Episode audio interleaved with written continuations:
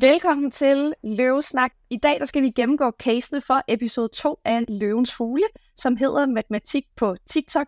Mit navn er Camilla Poulsen. Jeg kommer fra Ladybox. Og mit navn er Alexander Ripley fra Scanrate APS. Lad os komme i gang med dagens episode. Vi har case 1, som er Victor, der træder ind i Løvens Fugle med virksomheden Mat med Lassen. Victor han søger 75.000 til 5%, altså en værdiansættelse på 1,5 millioner. Victor går ikke ud af løvens fugle med en investering, men gør det til gengæld rigtig godt. Ja, det vil jeg faktisk sige, at han kommer jo ned, og øh, altså først og fremmest god energi. Han, han løber nærmest ned ad trappen, synes jeg, og, og kommer i gang med sin pitch. Den er sindssygt god. Han har både noget data med nogle tal, sådan 31 procent, øh, som dumper matematik i gymnasiet, og så øh, kommer han også med den her personlige storytelling, at han var mega dårlig til matematik, men brugte sig alle mulige måder på, hvordan han kunne lære det, og øh, ja, man forstod ligesom hele konceptet af pitchen, så jeg synes egentlig, det var en fed pitch. Ja, jeg blev meget imponeret over, øh, hvor mange følgere Victor havde på øh, det så TikTok, hvor han er kommet i gang med at sælge. Og Victor han fortæller, at han har øh, 110.000 følgere, så det synes jeg i hvert fald var meget imponerende og at han jo både laver, han laver både noget, noget online video, og han laver nogle, han har lavet matematikbøger, både som e-bøger og fysiske bøger, hvor han har solgt 4.000. Og øh, vi hører ikke lige præcis, hvor meget han er omsat for, men jeg blev faktisk lidt overrasket over til sidst, han ikke fik et bud, fordi jeg synes, at han gjorde det godt, og at casen faktisk i programmet, den ledte lidt op til, at han nok ville få et bud, fordi alle øh, løverne roser ham ret meget det, som jeg selv sad og tænkte igennem casen, var, at det sådan, den virkede lidt perfekt til start. Det her med, at der er et godt produkt, der er en god historie bag, der har været et reelt problem, han er rigtig god til at pitche. Men jeg sad også og tænkte, hvordan gør man sådan en her virksomhed stor? Er det bare at oversætte alt, alt, hvad han laver til engelsk? Fordi det er det, som han selv tror på. Og det tror løverne i hvert fald ikke på. Nej, jeg tror, han får jo faktisk et bud fra Nikolaj, der halverer hans øh, værdiansættelse, så byder sådan noget 75.000. Men øh, jeg regnede lidt på hans omsætning, og han siger jo det her med, at han har 87 betalte kunder, og MTV'en, altså livstidsværdien for en kunde, er 582 kroner. Så, så lidt hurtig hovedregning er det cirka 50.000. Så han er jo ikke omsat for ret meget. Altså 50.000 fra de her betalende brugere, sådan som de her 4.000 bøger, som jeg også synes er flot. Men jeg synes også, Altså, jeg kan ikke forstå, at han er der. Jeg har skrevet mine egne noter. som mangler de cases i år, fordi ham her ser mere som sådan en coaching virksomhed. Altså sådan, han er ham selv ligesom nogen, der sælger... Altså, jeg kan ikke lade være med at tænke på sådan en som Kasper Knudsen, der sælger online øh, markedsføring, altså lærer folk at skabe deres egen virksomhed i online markedsføring. Jeg kan ikke lade være med at se på ham som en enkeltstående coach. Jeg kan ikke se, hvordan det her bliver en, en virksomhed. Jeg ser ham mere som en slags matematik-influencer, og det er sindssygt fedt, når influencer kan bruge deres øh, audience til ligesom at sælge noget, men altså, jeg synes overhovedet ikke, det er en Løvens Hule case. Jeg synes, han er vanvittigt fed. Han kommer ind og har god energi, og han har også gjort det sindssygt godt. Og vanvittigt fed mission, at han vil hjælpe øh, folk med at øh, hvad kan man sige, lære matematik på en mere pædagogisk måde. Han har fat i sin egen målgruppe og sådan noget, og han er kun 20 år gammel. Det er sindssygt fedt. Men jeg var faktisk i chok over, at Nikolaj giver ham et bud. Og så sad jeg sådan og øh, kiggede frem og tilbage på, hvor, hvorfor er det Nikolaj, hvad er det Nikolaj ser i den her case, som jeg ikke gør? Og jeg tror, det jeg har fundet frem til, det er det her med, at attention, det er det nye olie. Altså, vores forældres generation og bedsteforældres generation, det var det olie eller guld, som, som skabte de store virksomheder. Men hvor det er vores tidsalder, så er det dem, der har attention, og det er jo hans følgere, han køber ind på. Fordi at kigger man på nogle af de største virksomheder nu i verden, så er det jo sådan noget som Meta, der har Facebook og Instagram. Det er X, altså det gamle Twitter og sådan noget. Det er folks opmærksomhed, folk, folks øjenæbler. Er det ikke det, man kalder det? Der er ligesom, uh, det, de, de er efterhånden penge værd. Så jeg tror, at det eneste, jeg kan se af værdi i den her case, det er, at han har sindssygt mange ferier, som du er inde på, Camilla, men helt ærligt var jeg lidt i chok over, at han fik en case, og jeg er faktisk lidt, også lidt overrasket over, at han står i løvens hule, for jeg ser ham mere som en enkeltstående øh, coach eller influencer. Ja, og man kan sige, det er jo faktisk også det, at løverne kommer lidt ind på. Jeg tror, noget, som slog lidt den her case til jorden for mig, var faktisk, at øh, han virkede rimelig nem at øh, påvirke.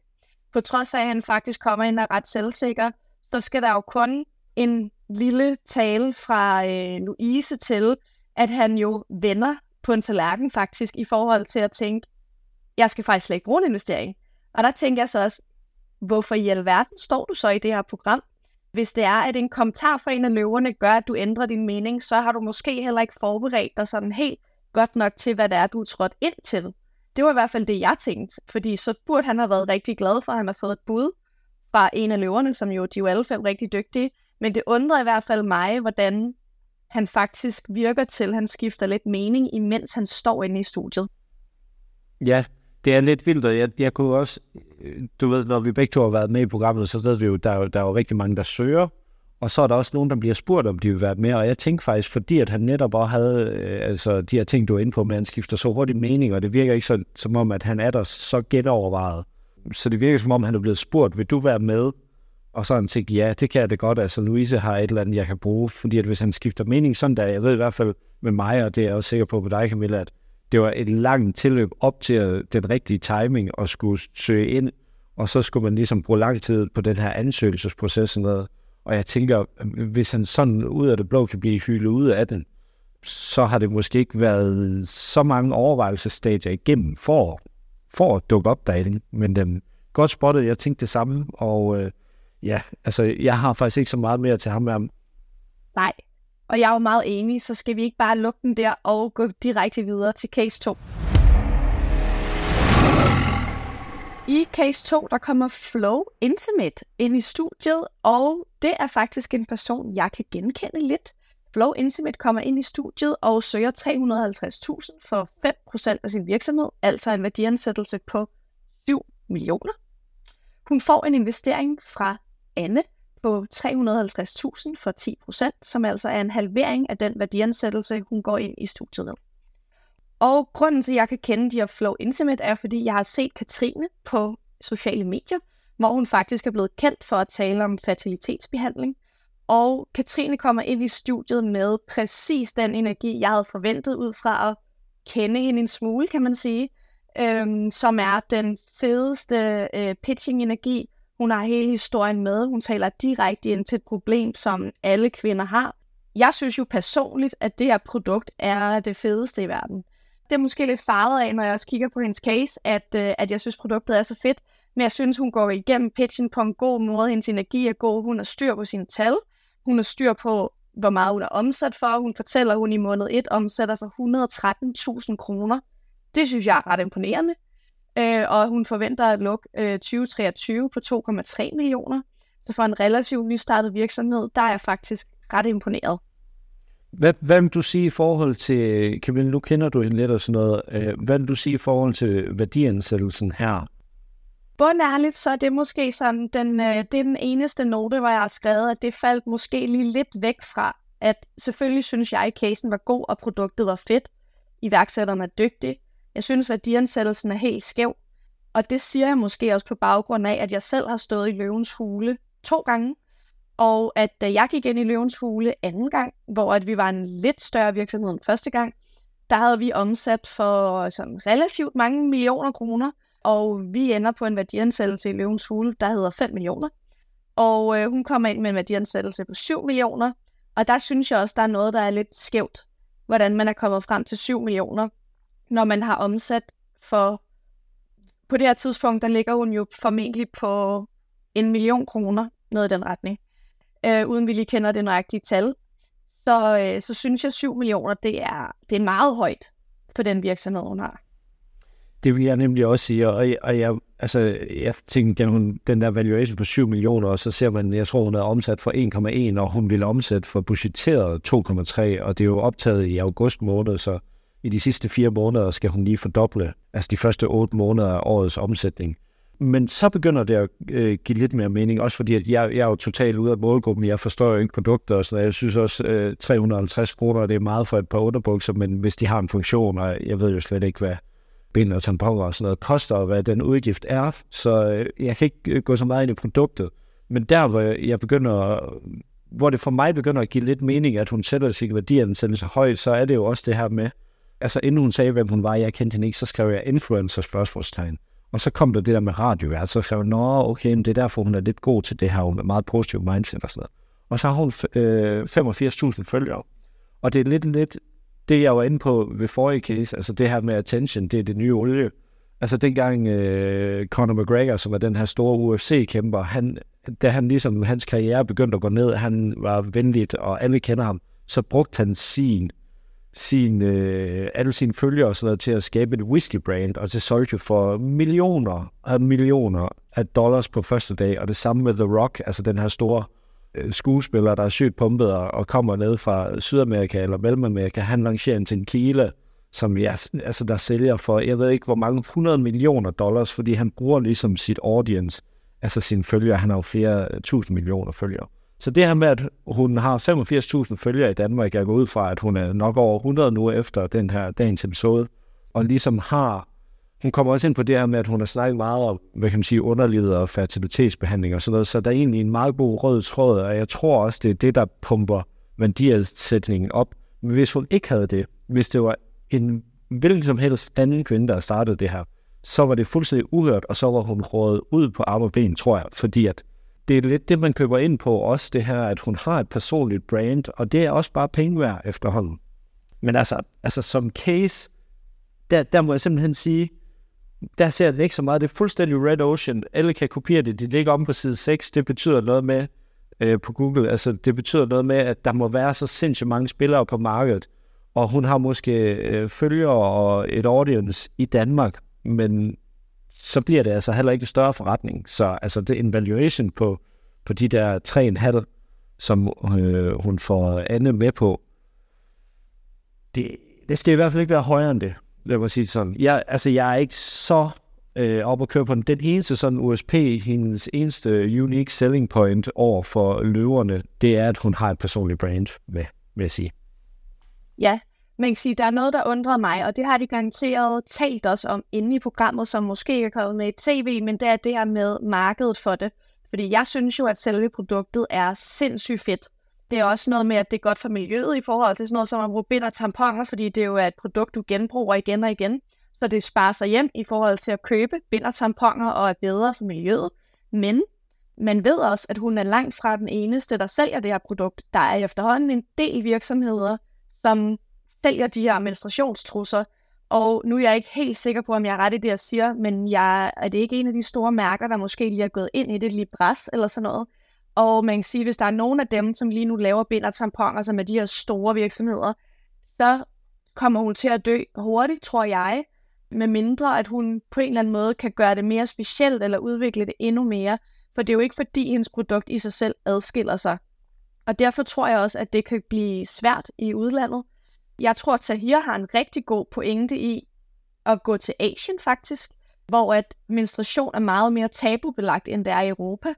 Det tror jeg er en god pointe at få med. Til gengæld, den måde, som jeg også synes, casen sådan ender lidt på, der synes jeg, at det virker til, at Katrine bukker en lille smule under for presset, der er i løvens hule. Det forstår jeg godt. Jeg har selv stået der med øh, et bud, som jeg overhovedet ikke havde regnet med, og så har man lige akkurat et minut til at tage den beslutning.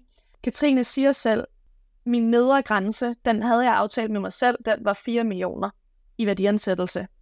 Og så kan man godt se, at hun står og tænker, og så virker det til sidst, som om hun ikke helt ved, hvad hun skal gøre, og så ender hun med at sige ja.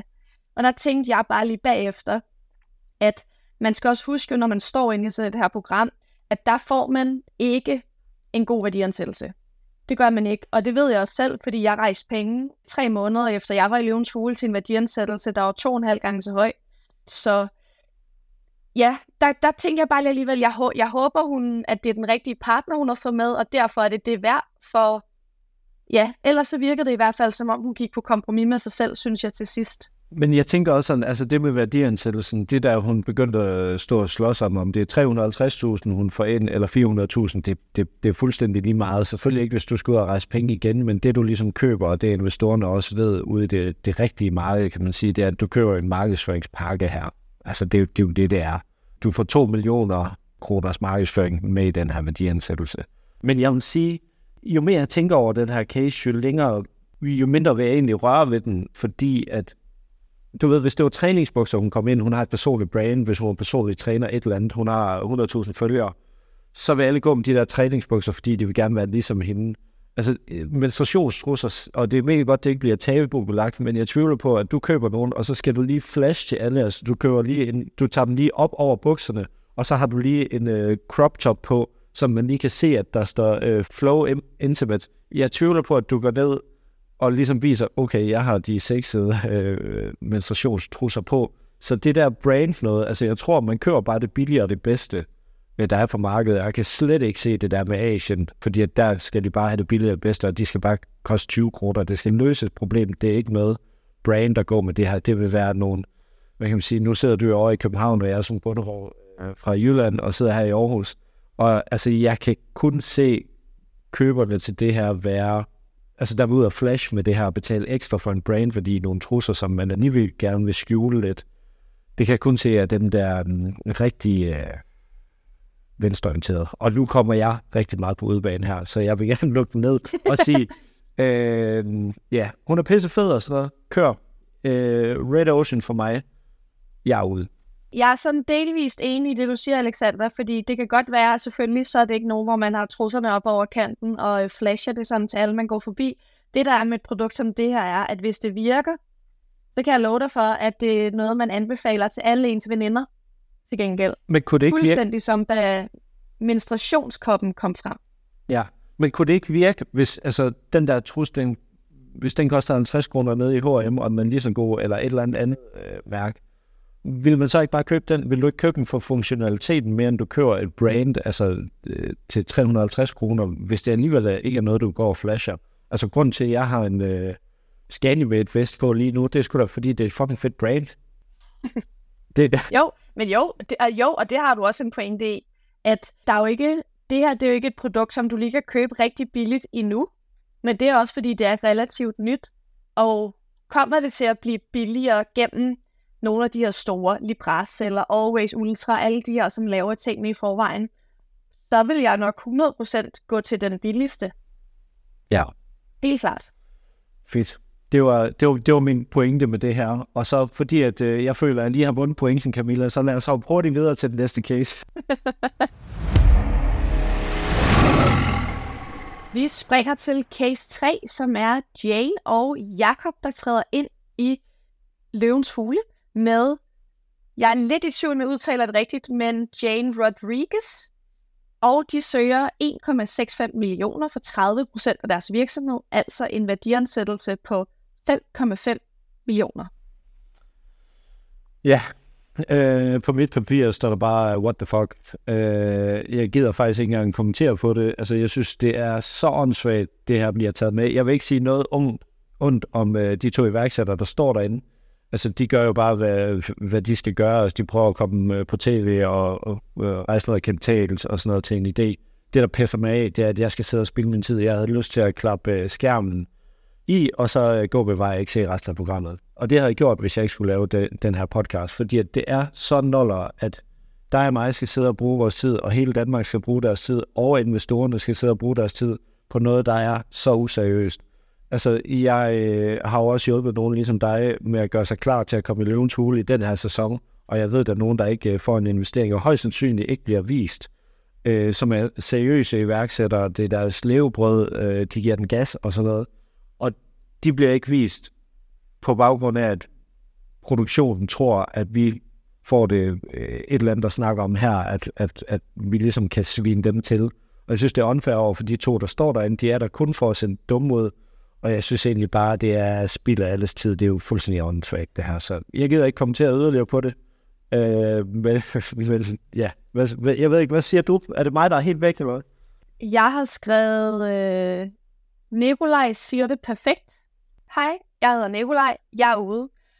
Og man kan sige, det, de gør det selvfølgelig så godt de kan, men jeg synes, der er alt muligt galt med casen også. Jeg synes, produktet spiller ikke, jeg synes, deres svar spiller ikke. Jeg synes, de virker uforberedte. Jeg synes ikke, det virker til, at de har styr på deres egen forretning, på markedet, på hvad der er efterspørgsel for.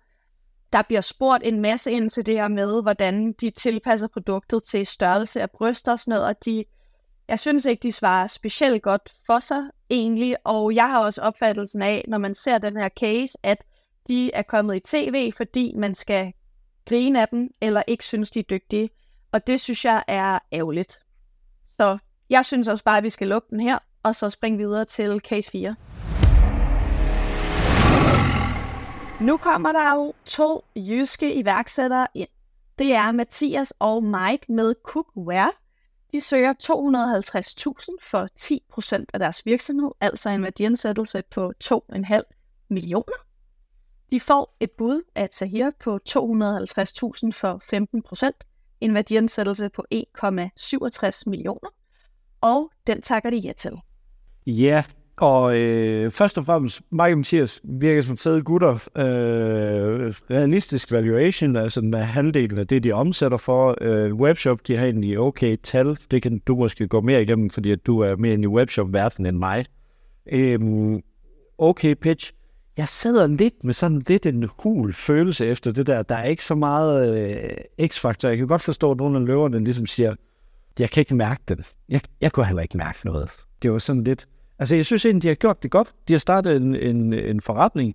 De laver nogle fede knive, de har des, designbeskyttet dem. De kigger på at ikke bare være en one-trick pony, som Tahir siger, og ligesom kigge på nogle andre ting.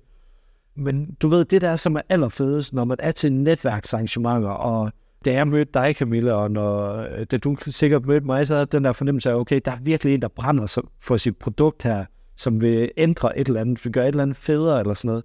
Og her så føler jeg mere det sådan, vi vil gerne lave en forretning, og så en vi over i nogle øh, knive. Og øh, altså, al respekt til dem, jeg synes faktisk, de har gjort et rigtig godt stykke arbejde, øh, men jeg kan ikke mærke deres passion. Jeg har skrevet, jeg forstår ikke, hvorfor de er unikke, fordi de siger også, at en del af de produkter, øh, det er måske væsentligt at sige, Mathias og Mike, de kommer ind, og de startede ud med at sælge køkkenknive, og har udvidet til køkkenredskaber også. Og det de faktisk jo også fortæller er, at der er en ret stor del af deres virksomhed, der er baseret på white label produkter. Og white label produkter betyder, at man tager et standardiseret produkt, og så sætter man sit eget logo på, eller skifter farven, øh, eller begge dele. Og øh, på baggrund af det er jeg ret imponeret over den forretning, de har bygget op.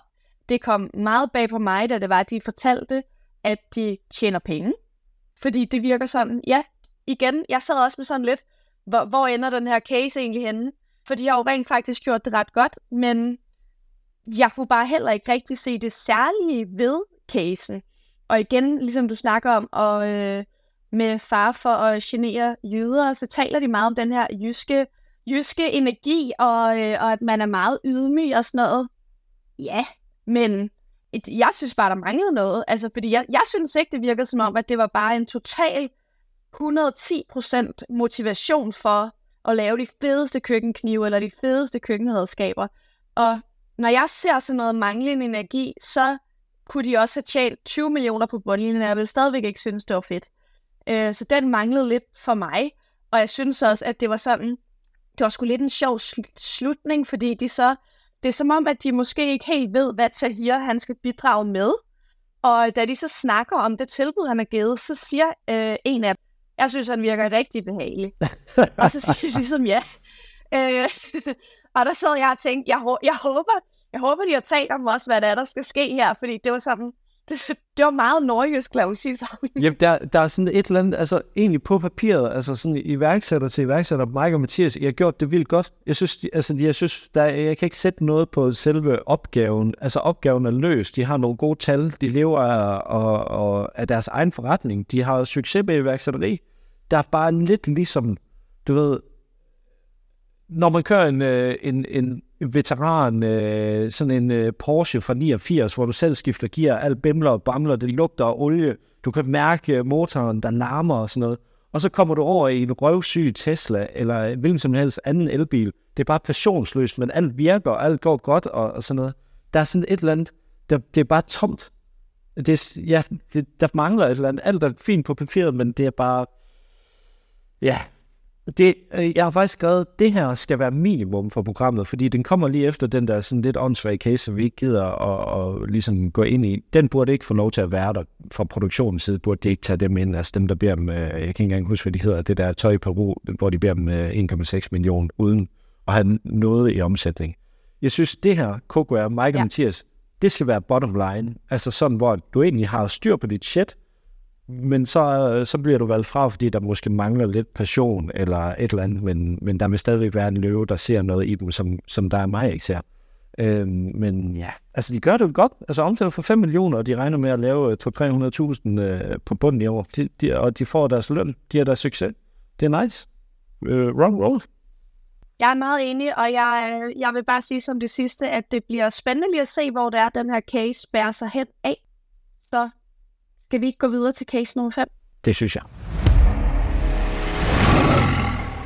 Case nummer 5 har vi jo en genganger i Løvens Hule, som er Frederik, der kommer ind med virksomheden Snak. Frederik han søger 400.000 for 10%, altså en værdiansættelse på 4 millioner. Han får flere forskellige bud i Løvens Hule i dag, og ender altså med at takke ja til Nikolaj, som byder 400.000 for 15 procent. Altså, nu, nu har vi lige sådan manglet passion med de to nordjyder, Mike og Mathias, ikke? og så kommer der æder med med Frederik. Hold kæft, du kan mærke ham i hele rummet. Altså, det vildeste. Øh, altså, han har gjort alt muligt godt. Han er gået fra 25 til 250 butikker, plus øh, Bilka og Føtex kommer. Alt det der har han, styr, har han styr på, men det vigtigste, han har det der x-faktor og han, han tager sit spil op og viser, at produktet virker. Han får Tahir til at åbne op om, om den der tur til Pakistan med sin bedstemor, hvor de er ude og malke. Og så Nikolaj, sådan, hvad har du måttet opgive for, for ligesom, som du aldrig troede, du skulle opgive? Og det var sådan en del af hans børns øh, barndom. Og, altså, jeg ved ikke, hvordan jeg blev sådan helt ramt, for man kunne mærke, at det var ægte følelser. Og jeg vil sige, nu har jeg, øh, livet er jo ikke en dans på roser for, for nogen af os, og øh, statistikkerne siger, at i Danmark 75 procent af dem, der begår selvmord, det er mænd. Jeg mistede op min far, da jeg var 17, altså 12 år siden, og snakkede ikke med nogen, fordi at mænd, øh, måske endnu mere i Jylland, er sådan nogen, der bare sådan, altså vi kan kun snakke med hinanden, når vi har fået øh, 16 fadøl, og så sidder sådan, vi skal ikke kigge på hinanden, vi skal sidde ved siden af hinanden og kigge ud øh, og stige sådan. Så det her produkt, det har 100% sin berettigelse. Han er sygt fed. Det virker til, at han har dækket ind med, med folk omkring sig til det, han er dårlig med altså omsætter 5 millioner og regner med 10 procent på bunden. Altså, øh, han, er, han er fucking fed. Undskyld mit sprog, og nu skal jeg nok lade dig snakke, Camilla, men bare alt det, jeg manglede fra til tidligere case, det synes jeg bare, Frederik har. Jeg er også blevet lidt rørt af den her case i dag. Jeg kan godt huske Frederik fra sidste år også. Øh, han er jo faktisk med i samme sæson som dig og mig, Alexander. Og den udvikling, der er sket, den, eller er sket siden sidst, den er totalt imponerende, og det er jo bare rent, når vi snakker om selve hans forretning, som han gør sindssygt godt. Jeg tror virkelig, han vinder noget, fordi de faktisk starter hans spil og hans spørgsmål i et program. Det synes jeg var et genialt træk. Og jeg, jeg vil sige hatten af for øh, både Tahir og Nikolaj, som jo faktisk bliver meget personlige i dagens afsnit. Det er sådan noget, jeg synes, der er helt vildt fedt også ved at se programmet, at man også får en fornemmelse af, et er, at de her fem løver, de er fem dygtige forretningsfolk, der har gjort det rigtig godt, tjent rigtig mange millioner. Men jeg synes også, det er fedt lige at se den anden side af dem, at det er også bare mennesker, og det er også nogen, der har haft nogle, nogle gode oplevelser og nogle dårlige oplevelser, og at Frederik får løverne til rent faktisk at sætte ord på det på tv, der skal vises for en million danskere, det synes jeg er mega vildt. Og så snart at han har gjort det, så tænkte jeg, at det er fuldstændig vanvittigt, hvis ikke han får en værdiansættelse eller en, en investering, undskyld. Og øh, det gør han jo heldigvis også. Han får jo øh, bud fra Tahir og Nikolaj og Louise. Øh, jeg sad selv og tænkte, han vil jeg skulle også investere i. Og det har også noget med den her passion at gøre, som jeg synes, er nøglen i iværksætteri er, hvis du ikke brænder for det, du laver, så kommer du slet ikke til at slå igennem. For det er alt for hårdt at starte en forretning op fra bunden. Så at Frederik han gør det her, og det her med, han han sælger fra webshop, han sælger i butikker, han sælger til det offentlige. Jeg er meget spændt på, hvor langt han kan skubbe det her ud over ramperne. Jeg synes, han er så imponerende. Ja, han, er, han er bare fed, og han er, han er til stede i rummet, og ja, jeg synes, jeg synes også, han er fed, og jeg synes, det var mega fedt initiativ med det her med, at øh, jamen, ved du hvad, hvis du stoler på dine tal, hvis du holder dit budget for næste år, så får du nogle, øh, nogle ejerandel tilbage. Og, og det synes jeg nærmest skulle være en del, en del af konceptet, med at øh, hvis man kommer der og holder, hvad man lover, øh, så får man også en fair valuation, fordi vi kan alle sammen blive enige om, at øh, valuation øh, i Løvens Hule er lavere end den i virkeligheden. Selvfølgelig på grund af markedsføringsaspektet, men også fordi, at man står i en situation, hvor man, man vil så gerne sige ja, og blive vist og få de her mennesker med ombord. Det er en fuldstændig skævvridning af forhandlingen, men øh,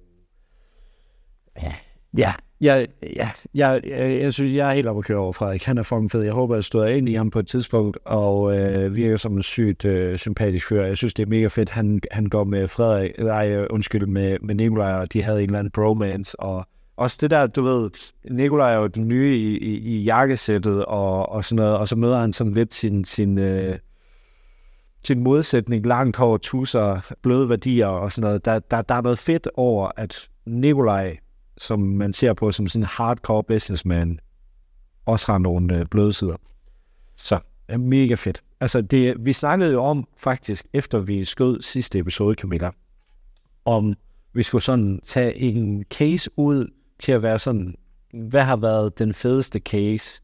Og jeg tror, hvis vi lejede, gik ned ad den vej, så tror jeg, jeg ville gå på Frederik, og det er kun mine følelser, der snakker, selvom man skal være rationel og sådan noget, synes bare, Frederik, han er så fed. Men jeg kunne ikke være mere enig, og øh, som jeg også sagde, Frederik, ham vil jeg, jeg vil investere i lige med det samme. Og man får lyst til at møde ham, man får lyst til at snakke med ham, man er næsten direkte ind på hjemmeside og Instagram og alting for at købe hans produkter, fordi man vil bare gerne være en del af det. Og det, at han kan det, det synes jeg er så sindssygt fedt, at man kan sidde med den følelse, når det er, at man har set en virksomhed i Løvens Hule.